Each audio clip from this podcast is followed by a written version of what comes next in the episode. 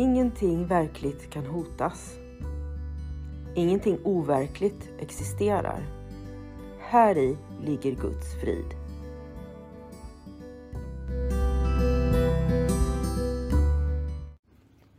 Mitt namn är Magdalena Wiklund och den här podden handlar om hur jag fann frid. Allting har sin grund i Helen Schuckmans uppenbarelser då Jesus dikterade det som sedan skulle bli boken en kurs i mirakler för henne. Jag kommer att referera både till kursen och till Bibeln eftersom Helen fick så mycket förklarat för sig av Jesus om hur vi egentligen bör tolka Bibeln.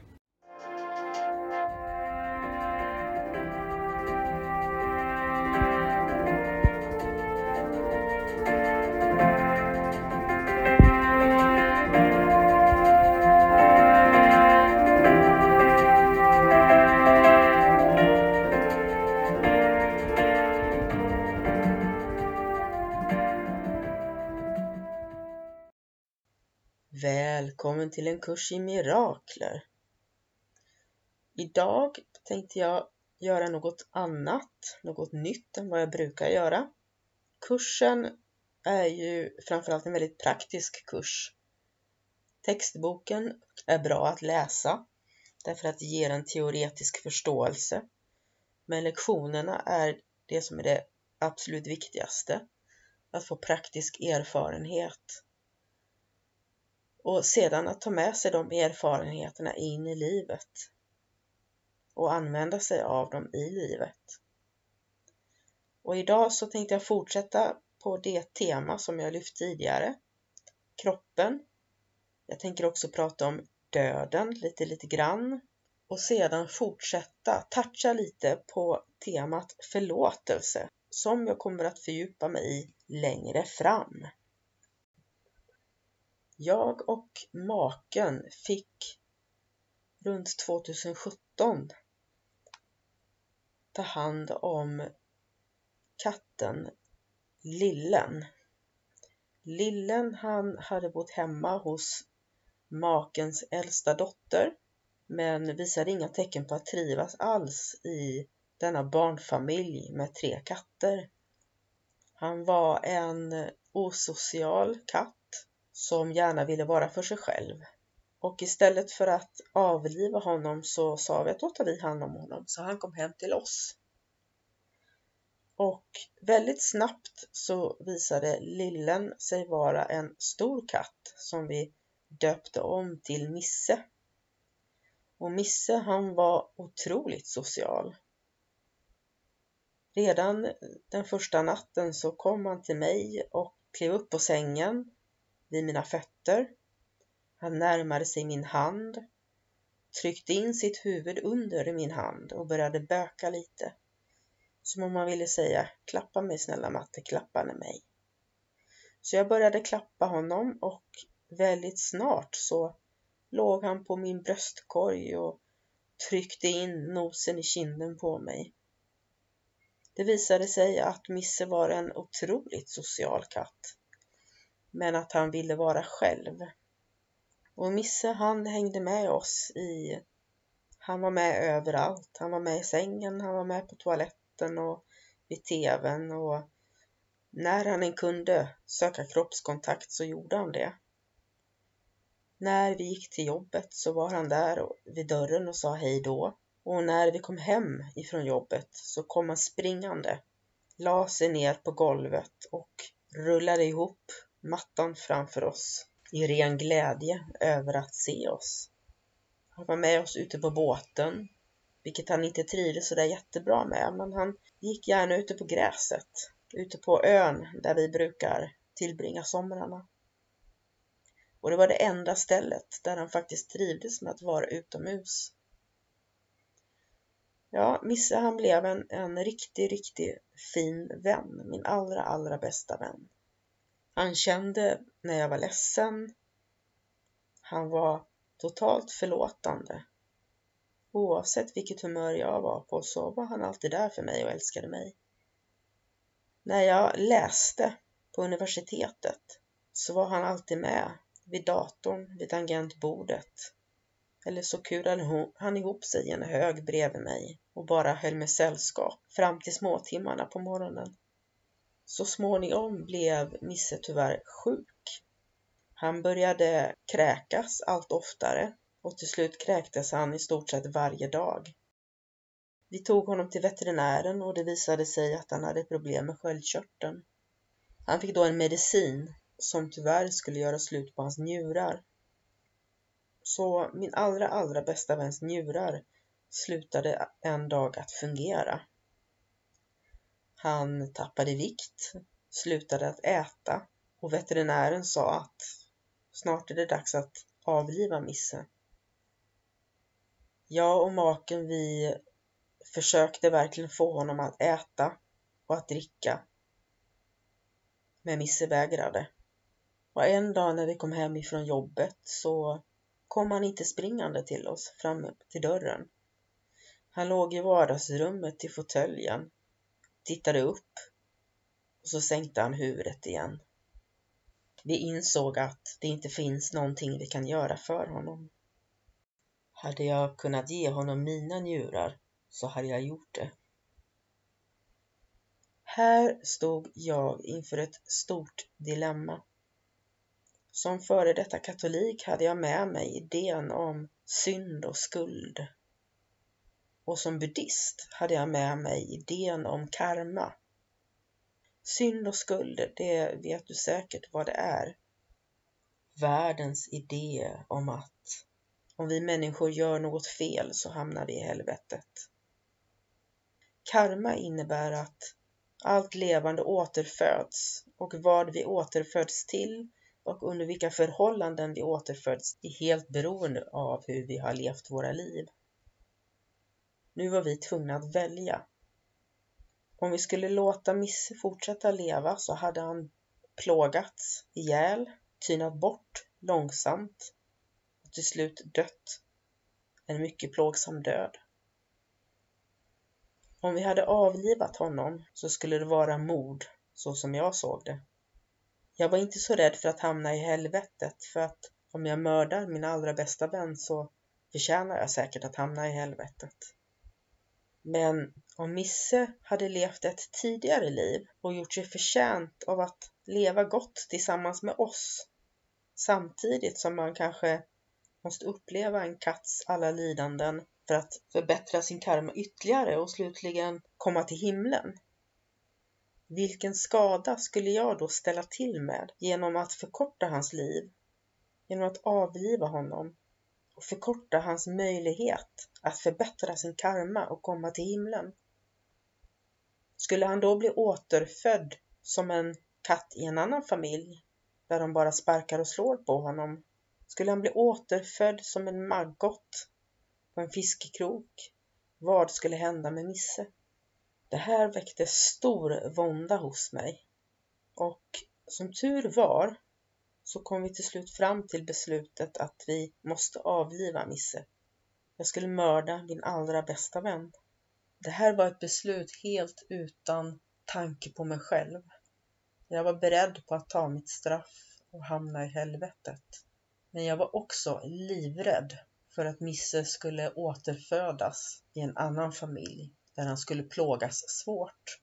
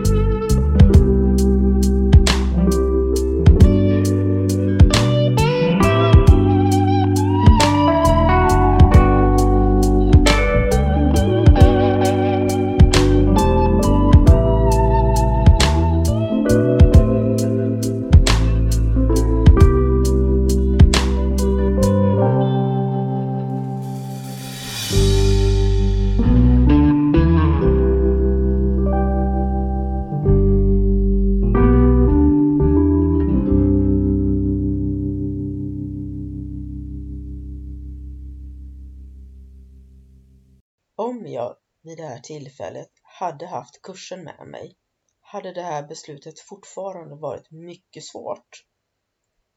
Misse och jag hade en speciell relation till varandra. Men jag tror ändå att beslutet hade varit mindre plågsamt för mig.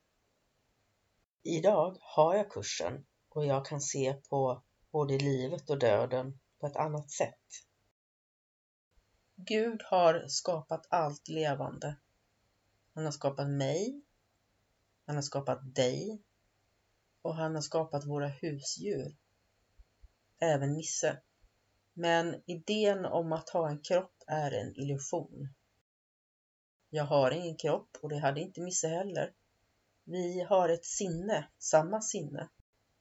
Och idag är jag teoretiskt sett övertygad om att det finns en etthet mellan mig, mina systrar och bröder och Misse.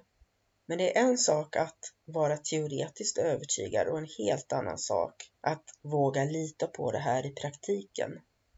Jag tror, jag hoppas att Misse har fått vandra över regnbågsbron till himlen där han är fullt medveten om ettheten med mig och att jag också ska vakna en dag och vara fullt medveten och känna full tillit till den etthet som jag delar med mina systrar, bröder och Misse. Att avliva sin bästa vän är inte lätt. Och även om jag hade haft kursen med mig när vi gjorde detta så hade jag behövt gå igenom en process av förlåtelse. Förlåtelse så som världen ser på det är någonting helt annat än förlåtelse så som kursen ser på det. Ur världens perspektiv handlar förlåtelse om att se felet man har gjort, peka på det, säga att oh, det där var fel och att sedan försöka gå vidare. Det är så jag har gjort mot mig själv. Inte bara den här gången utan många gånger. Ur kursens perspektiv så handlar förlåtelse om att låta bli att peka ut felet eftersom det inte existerar. Att låta bli att gräva ner sig i det och gå vidare. Det är det som kallas att göra saker ogjorda. Vem vinner på att gräva ner sig, peka finger och döma? Efter att Misse fått vandra över regnbågsbron så dömde jag mig själv länge. Det var precis som om jag hade det där behovet av att få göra det. Dragningskraften mot synden, skulden, smärtan men idag vet jag bättre och jag hoppas verkligen att när jag återigen hamnar i den situationen att jag måste avliva min allra bästa vän för att han inte ska behöva lida, att jag då gör det med ett något lättare hjärta än jag gjorde sist. Att jag kan se det som den befrielse det är menat att vara för Misse att få lägga av sig kroppen när den har gjort sitt syfte och för mig när jag kan se att det inte finns någon kropp eller något lidande. Att våga se världen på ett annat sätt.